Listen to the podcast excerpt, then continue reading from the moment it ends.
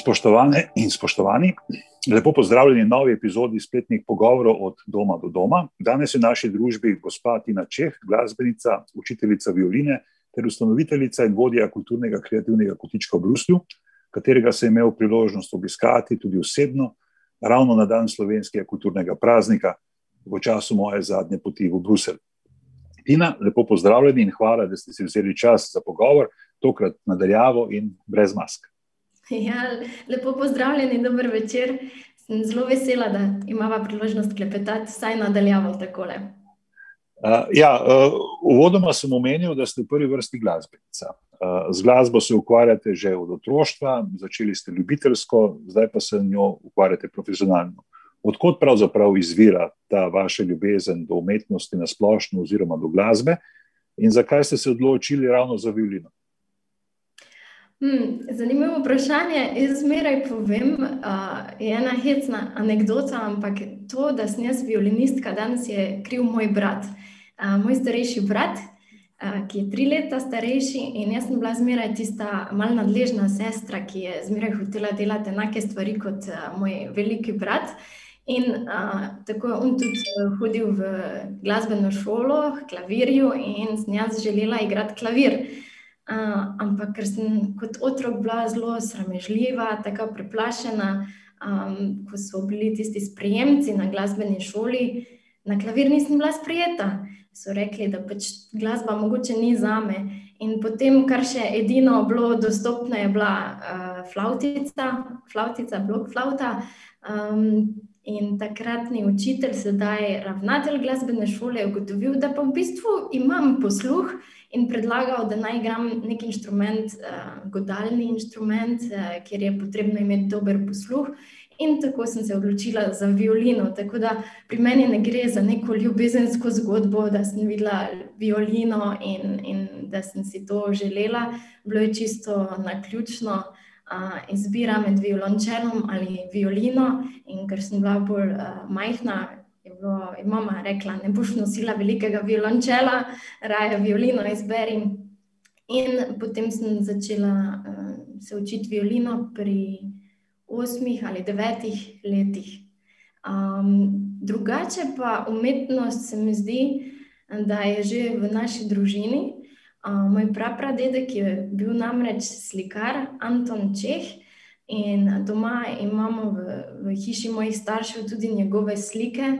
Um, vsi pa si lahko tudi ogledajo, lahko reklamo, malo naredim njegove slike uh, in sicer portret Prešerna v Prešernovi domačiji in pa portret uh, Gregorčiča je delal, tako da v Gregorčičevi domačiji.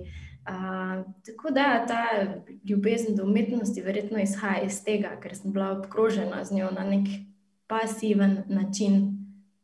No, si, si, si kar znam predstavljati, odkot potem ta ideja tega umetniškega oziroma uh, kulturnega kotička. Ampak uh, vsem bi nadaljeval v bistvu s vprašanjem uh, glede uh, glasbe oziroma glasbene poti. Uh, namreč v intervjujih ste, ste večkrat dejali, uh, da ste v Bruslu prišli po naključju oziroma pristali po naključju. Uh, pa vendar vas je tja vodila prav glasba. Ne, na tamkajšnjem kraljevem konzervatoriju ste leta 2015 uspešno končali magistrski študij violine, na to pa ustanovili glasbeno šolo, ki jo vodite. Lahko rečemo, da imate prvo vrstno izkušnjo uh, tega, kaj nam Evropska unija omogoča. Uh, najverjetneje ustanovitev glasbene šole v tujini zahteva kar dosti poguma. S kakšnimi izzivi ste se glede tega, kot slovenka v Belgiji, srečevali? ali pa se morda še vedno srečujete? Um, glede določeno ustanoviti glasbeno šolo, kar je za me bil najtežji korak, oziroma najtežja zadeva, so ti uradni jeziki v Belgiji, francoščina, flamščina in nemščina. Nemščino sicer govorim in dobro razumem, ampak ni ravno v uporabi. In tega se spomnim, ko sem prišla najprej v Belgijo. Sem mislila, ah, jaz pa iz Avstrije, nemščino vladam, ne bo problema. In potem v Bruslju na teh uradih, če ni govoril nemško.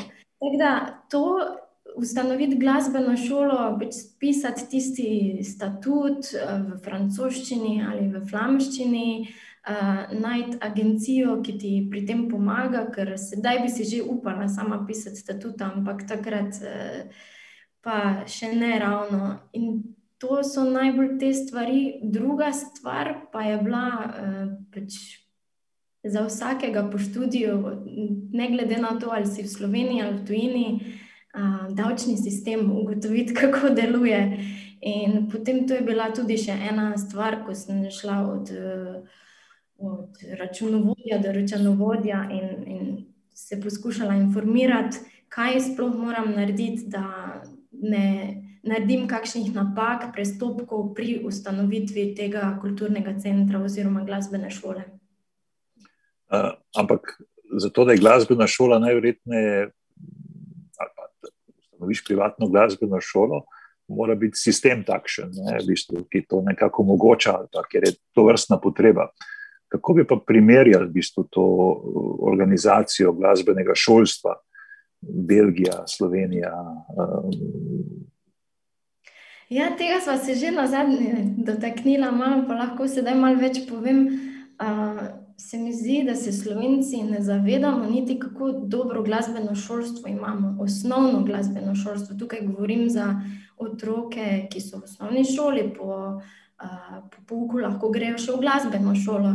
In z razlogom se reče glasbena šola, ker ima tako um, celovit, celovito, kako bi rekla, celovito ponudbo. V Belgiji ali pa v Avstriji, koliko sem opazila, glasbena šola za otroke pomeni pač da greš k inštrumentu in potem mogoče še kaj zraven, orkester ali pa te stvari. V Belgiji je celo tako, da preden se sploh otrok lahko začne v javni glasbeni šoli učiti instrument, mora dva, dve, tri leta hoditi k teoriji. In ta teorija in solfeggio, to pa je največja muka za vse otroke, se mi zdi. In potem, preden sploh pridejo do inštrumenta, že omagajo. Tu govorim za Belgijo. V Sloveniji je tale pristop, kot sem omenila, celovit. Eh, dvakrat na teden inštrument, eh, teorija, orkestri, zbor, karkoli.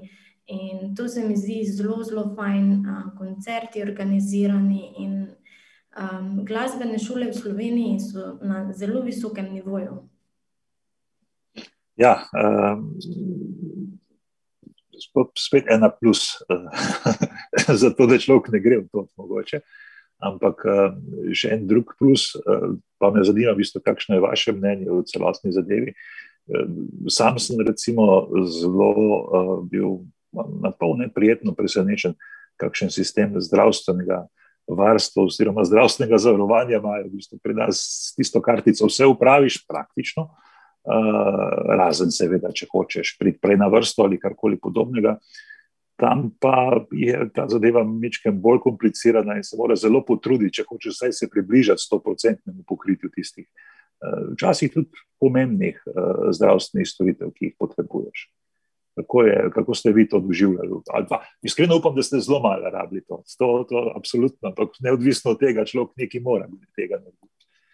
Ja, to je pa To je pa bil na začetku pravi pek. Moram priznati, zdravstveno zavarovanje, obiskati zdravnika v Belgiji. Uh, moram povedati, ko se navadiš, ko razumeš sistem, je fantastičen, je super, vse zrihtaš, ampak dokler ne razumeš in če si navaden na slovenski zdravstveni sistem, ki se mi je. Še zdaj se mi zdi zelo enostaven, pa trpiš. Na začetku, vem, sem bila enkrat zelo, zelo bolna.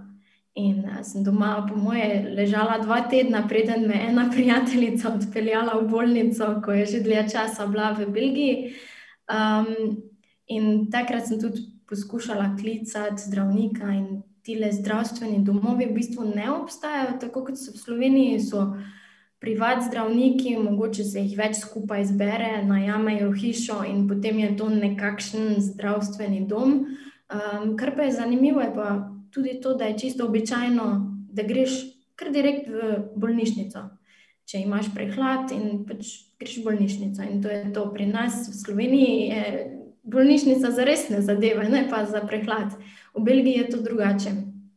Um, ampak, ko najdeš svojega osebnega zdravnika, uh, je zelo enostavno.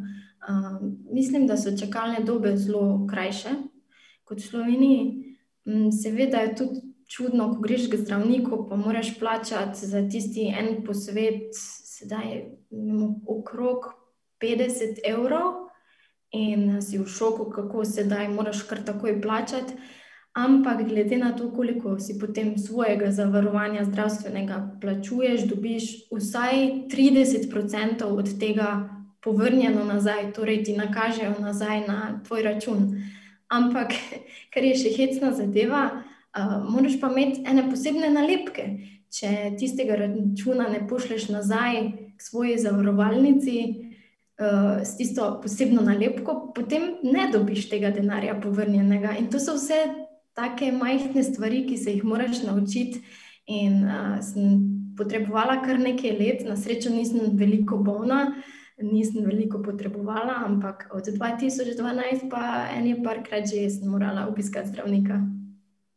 Ja, zdaj smo to poslovno in drugačno okolje pogledali, ampak um, ste pa morali v bistvu za ustanovitev glasbene šole prevzeti tudi vodstveno vlogo. Že prej ste govorili, odkot mogoče navdih nad tem, da ste uh, ustanovili tudi pred dvema letoma kulturni kreativni kotiček, kjer povezujete glasbo, slikanje, organizirate koncerte, slikarske razstave.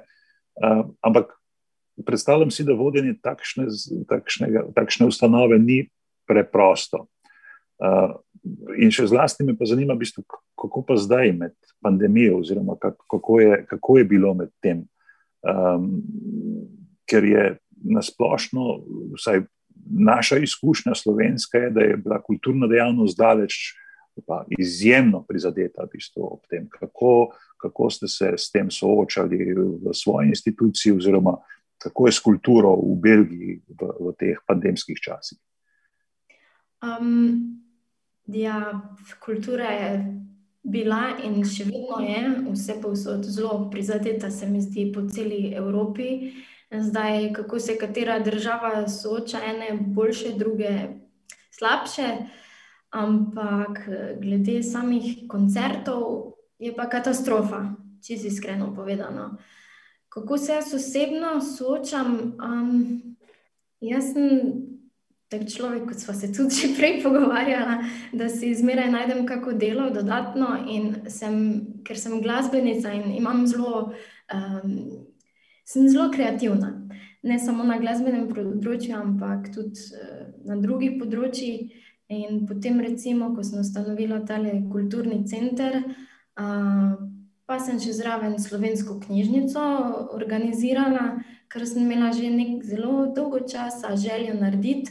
In potem, ko so tisti koncerti vsi odpadli, marca, aprila, mislim, da je bilo preko 40 koncertov, ko so bili odpovedani za me. In takrat je bil pač čas, da še kaj drugačnega naredim. Torej se je rodila ta knjižnica Bralni kotiček, ki spada pod kreativni kotiček. Um, drugače pa Ja, ko ste me spraševali tudi, zakaj in kako ta ideja za kreativni kotiček. Jaz sem že kot otrok v bistvu vedela, kaj hočem biti v življenju. Najprej violinistka, pri desetih letih, če me je kdo vprašal, želim biti violinistka. Potem mislim, da je bilo 14 let, sem bila stara, ko pa sem imela to idejo, hočem biti direktorica glasbene šole. še, mislim, da sem še v dnevnik takrat si zapisala to. Um, in zakaj ravno direktorica glasbene šole? Ker sem videla eno pomanjkanje v šolskem sistemu in sicer to je povezovanje predmetov med sabo. Če smo imeli zgodovino glasbe, smo se pri zgodovini, navadni zgodovini, učili o različnih obdobjih v istem času. In bi se mi zdelo super, zakaj se ne bi učili isto obdobje uh, istočasno in potem bi znali povezati, kaj se je v zgodovini glasbe dogajalo uh, na splošno v življenju. Uh, to je bila ena taka stvar samo. In potem, seveda, tale preplet kultur, kot sem omenila, odraščala sem med uh, slikami, uh, umetnost je v družini. In nikoli nisem videla glasbe kot samo eno smer v mojem življenju. Zmeraj sem si želela delati projekte, mogoče v sodelovanju s slikarji, mogoče v sodelovanju z eh, kakimi dizajnerji, pa naredimo fashion show s koncertom ali pa kaj takega.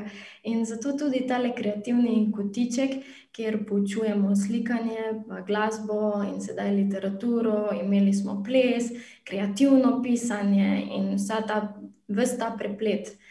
Um, sedaj Verjetno sem na vaše vprašanje odgovorila tako, kot moji možgani delujejo, malo razmetano vse posod, ker uh, včasih, ko se spravim kakega projekta delati, pa moji bližnji nič ne razumejo, pa se sam za glavo držijo, ampak jaz zmeraj rečem, moje misli delujejo kot sestavljanke, da bi imela več puzlov in ko vse usipaš na kup in je cela zmeda, ampak jaz tam nekje vidim končni izdelek, končno tisto sliko, ampak to seveda dolgo traja, preden vsak majhen delček skupaj zložiš in potem v tem primeru dobiš eh, kreativni kotiček in bralni kotiček. Ja, eh, eno vprašanje naprej ste mi že tudi odgovorili, ampak Eh, neodvisno od tega, nekaj se pa zelo dobro spomnim. Povedali ste, da smo se pogovarjali, da v bistvu je, gre za organsko rast celotnega projekta. Ne, ne, ne prehitro, ne z ogromno posojili ali čemu koli takem, ne z strašnim tveganjem, ampak postopno organsko rast.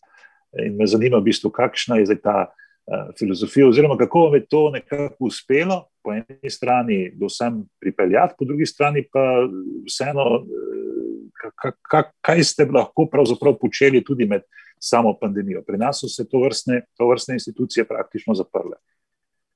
Ja, tako kot ste omenili, za me je ta organska rast zelo pomembna in da sledim toku in uh, da sledim temu, kjer je povpraševanje na nek način, oziroma ja, zelo, zelo pazljivo sestavljati uh, tale, bi rekla, poslovanje, biznis, podjetje, glasbeno šolo, um, brez uh, zaletavanja v zid. In zaradi tega se mi tudi zdi, da mogoče kljub vsej tej pandemiji uspevam, uh, oziroma skupaj z mojo ekipo uspevam, ker nisem sama tam, nas je še šest, sedem učiteljev inštrumentov in dve prostovoljki.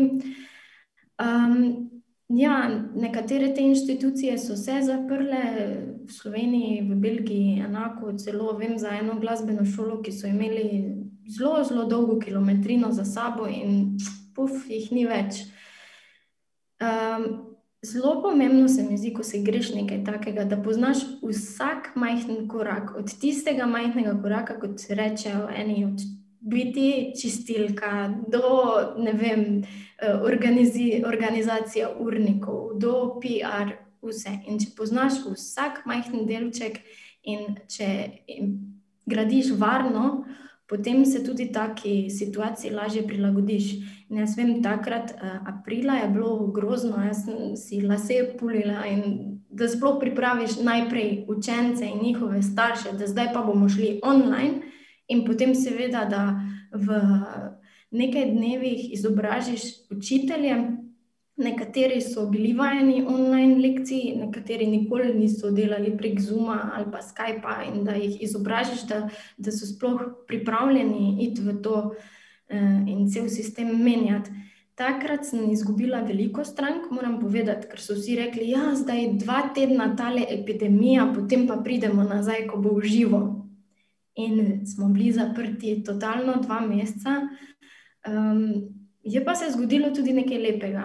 Ko ljudje vidijo, da delaš nekaj s srcem in da si pravičen, uh, ti želijo pomagati. In takrat sem razposlala en e-mail tudi na okrog, uh, če si kdo želi nas podpreti, nam pomagati. Se lahko upišejo na glasbene ure in imamo online lekcije, lahko kupijo kako izmed slik iz naše razstave in ta način. In kar nekaj slovencev takrat je doniralo denar in z njim iskreno hvaležna še do danes. Eh, nekateri so kupili sliko, ni bilo veliko, dve sliki sta šli takrat v tistem obdobju na prodaj, ampak vseeno, kamen na kamen palačane. Potem celo nekaj novih učencev smo dobili v tistem najtemnejšem obdobju za vse nas, kar je bilo, wow, res en tak lep žarek v vsej tisti temi. Um, potem, seveda, poletje je pri nas vedno počasno, ker so poletne počitnice, ljudje potujejo. Septembra pa me je zelo presenetilo, koliko ljudi je prišlo k nam in se začelo, se želelo pri nas izobraževati, in potem septembra je šlo vse na vzgor. Je bilo tudi lažje, ker so ljudje končno sprejeli to novo realnost, sedaj pa smo online, sedaj pa nimaš izbire, ali, ali si online, ali pa, ali pa pač nimaš aktivnosti. In so postali ja, bolj dovzetni za te stvari. Tako da, ko je bil spet tale lockdown, uh, oktober, mislim, da se ljudje niso pritoževali, ko so izvedeli, da pa dva tedna ne bomo imeli eh, učnih ur v živo, eh, bomo online nadaljevali, vse je šlo mirno čez, in dokler spet se nismo videli v živo. Tako da, ja, na ta način, no, in zmeraj biti inovativen, zmeraj najti nove stvari, ki jih daš v ponudbo, da ostaneš sam aktiven, da tudi te ljudi, ko delajo za te, s katerimi skupaj delaš, da jim daš neko upanje in da si jim na nek način vzor.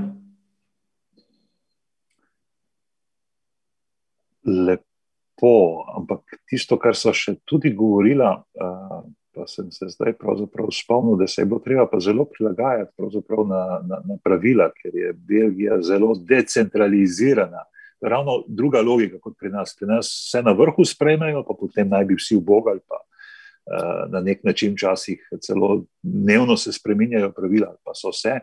Uh, tam je pa zadeva malo po eni strani bolj predvidljiva, centralne, ampak potem je pa razpršeno in malo me ta vidik zanima, ker vsi nekako prevzemajo pol odgovornost. Mislim, kdo postavlja pravila, prevzema nekako odgovornost za, za to, kaj zahteva.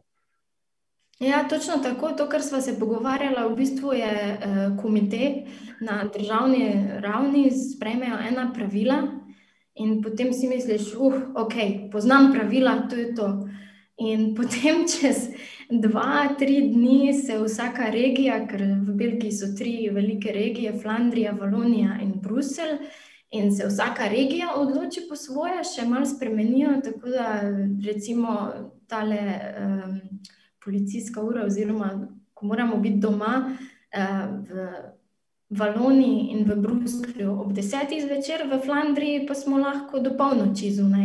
In recimo tam, ko jaz delam, je 50 metrov stran Bruselj, mi pa smo v flamski regiji, tako da tam 50 metrov na ono stran moram biti. Ob desetih zvečer doma, na tej strani pa lahko do polnoči. Potem pa še gre naprej, In sicer gre naprej do tega, da župani občin sprejmejo spet lahko svoje ukrepe. In to se spet zgodi nekaj dni kasneje. In seveda, to je zelo stresno, zelo, zelo stresno. Ampak jaz sem se naučila v tem obdobju že, da malo počakam, par dni, da vidimo, kaj se zgodi. Tudi veliko krat, ko sprejmejo ukrepe, je nerazumljivo in ljudje se začnejo pritoževati, da ne razumejo, kako se da to. In potem se zgodi to, da ali obrazložijo ukrepe, ali pa še enkrat spremenijo, ker so pač videli, da so ga nekje pobiksali. No, vsaj lepo, vsaj priznajo, da se da, se da tudi napake delati. Ampak. Uh,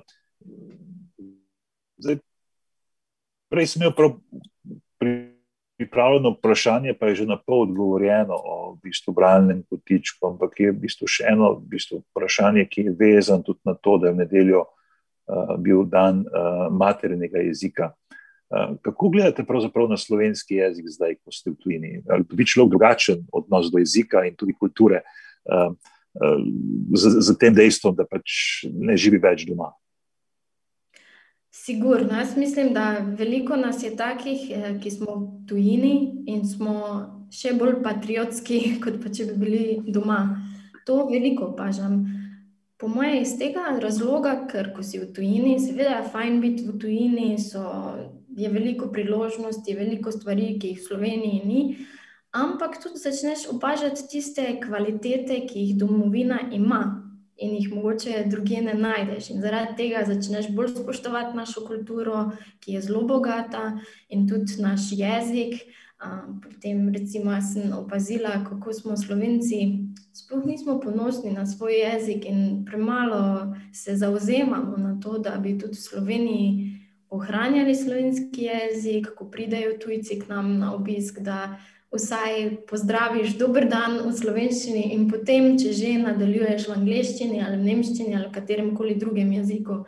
Uh, ker recimo v Belgiji, če prideš na občino in začneš takoj v angleščini govoriti, dosti krat te ne bodo lepo gledali.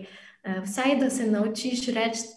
Oprostite, ne govorim francosko ali pa ne govorim flamsko, in potem bodo dosti, dosti bolj prijazni in se bodo tudi oni potrudili za angliščino.